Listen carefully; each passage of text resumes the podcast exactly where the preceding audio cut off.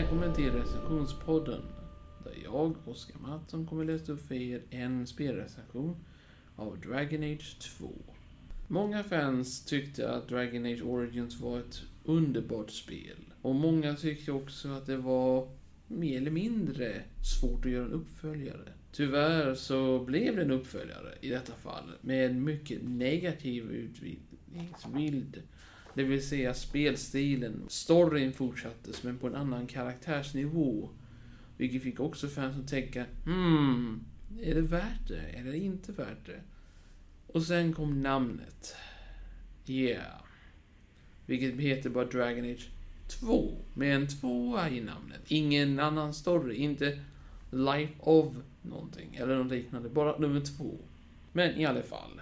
Detta fel som fanns i detta var att det var skri lättskrivet och kopierade och ihopklippta banor. Detta gjorde så att det blev mycket fram och tillbaka och bak och fram.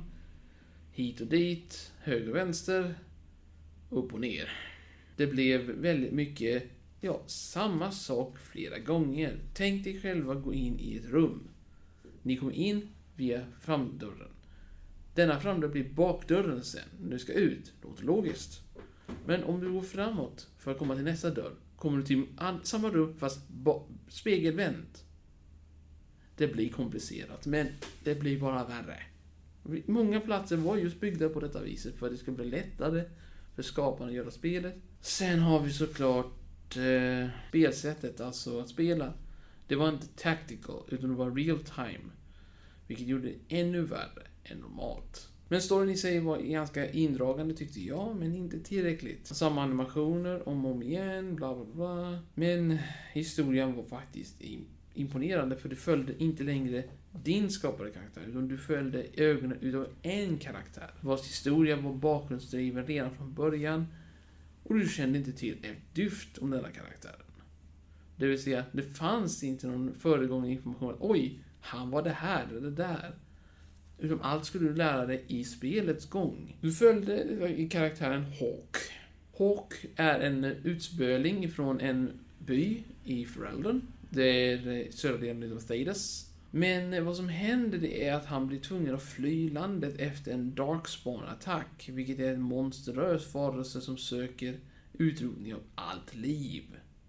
Dessa mutantvarelser ändras skepnad beroende på vad de assimilerar eller absorberar upp eller sprider sig via. Som till exempel det finns Darkspawn-människor, Darkspawn-dvärgar, Darkspawn-alver och Kunari. Det finns många utav dem. Men i alla fall, du är tvungen att fly landet. Och då när du flyr så flyr du till norra delen utav Frenden. Eller landet, eller snarare The Free Marchers som det heter. Eller Fria Träskens land. Låter ganska komiskt. Denna plats är full med slaveri, eh, ekonomisk katastrofalitet, mer mindre lite mer annorlunda än föräldern. Föräldern är ett stort öppet land i jämförelse. Detta är småstäder som styrs av olika lords. Om du har spelat till exempel Dragon Age Origins så får du en sparfil. För att hjälpa detta med att veta vad som hände så kan du använda din sparfil från förra spelet till detta spelet. På detta viset får du effekter utav vad du gjorde i förra spelet in i detta spelet. Exempel 1. Om du hjälpte en person i förra spelet så flydde han landet, kanske. Han dyker upp i detta spelet. Och ber, säger oj, jag blev hjälpt av denna personen, jag kanske kan hjälpa dig som han hjälpte mig. Men det kan också vara att du var dum mot honom och då kommer han tycka, varför ska jag hjälpa dig? Eller så finns han inte alls där längre, för han kommer aldrig dit. På detta viset så blev det val. Dessa val kan vara stora eller små. Eh, minimala eller gigantiska. Det finns också en sorglig berättelse om detta, det är att de gjorde DLC eller tillägg. Dessa tilläggen var följande två expansioner, sex stycken mindre och en follower. Den första followern de har klippt bort. Om ni undrar vad en follower är så är det en kompanjon eller en medhjälpare. Det är första gången de gjorde detta i deras spelserie, alltså Biowares spelserie.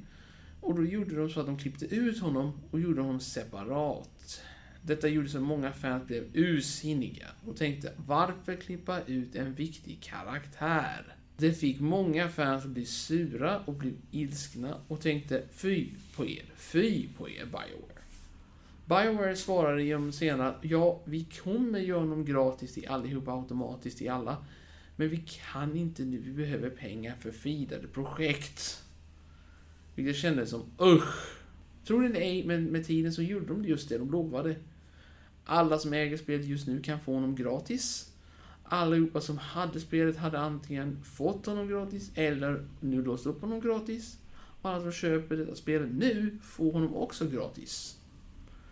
Vilket känns som, ja, de höll det de lovade, men de kunde väl gjort det från början. I vilket fall så ska vi nog fortsätta vidare med eh, vad du fick mer för någonting. Du fick vapen armors, du fick eh, rustningar, du fick eh, ja, expansionerna förresten kan vi nog hoppa över till. Vilket är mycket lättare. Dessa är följande två expansioner. The Blood Walk, eller The Bloodline, Bloodline som den heter. Som fortsätter storyn över din karaktärs blodlinje.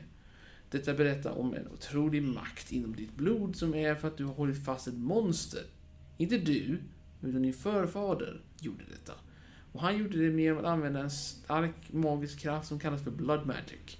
En väldigt, väldigt, väldigt farlig magi som bygger på att använda, istället för magi, potions, så använder du ditt egna blod för att driva detta. Det finns många olika sätt att använda denna sorts magi. Det finns ju att använda ditt egna eller en annan persons blod. Vilket gör det blodtörstigt, om man tänker så. För denna magin bygger ju på energi. Livsenergi. Det vill säga, du kan ta en hel armé, offra hälften och bli ostoppbar. Men är det värt det? Offra din bästa vän för det? Nästa DLC, eller expansion, heter, ja, The Hunt. Eller ja, jag vet inte exakt namnet, men det handlar om en jakt. Du blir placerad på att ta reda på om en mystisk artefakt som har stulits av en tjuv, eller snarare en medlem av en hemlig organisation som vill att du ska hitta en artefakt. Du blir skickad till en Olysien utpost vid Frelden och ja, Free Marches och Orleys område. Och ni kan undra var Orley ligger. Orley är i mitten utav hela Frelden och Thedas kontinent. Och det är en otroligt underbar plats. Dessa är rikemansfolk och tycker att alltihopa är, ja, ekonomiskt. Ni kan tänka er att jag nu skulle visa er en pengapös. Denna pös, eller säck, skulle innehålla att de bryr sig om pengar, inget annat. Allt annat skulle inte betyda att jag kan köpa det eller få tag i det via pengar jag har. Stackars folk. Dessa två expansioner tillsammans bildar runt, ja, 68 timmar vardera. Och det gör en otrolig berättelse tillökning till detta. Men, är det värt det? Det får ni välja själva.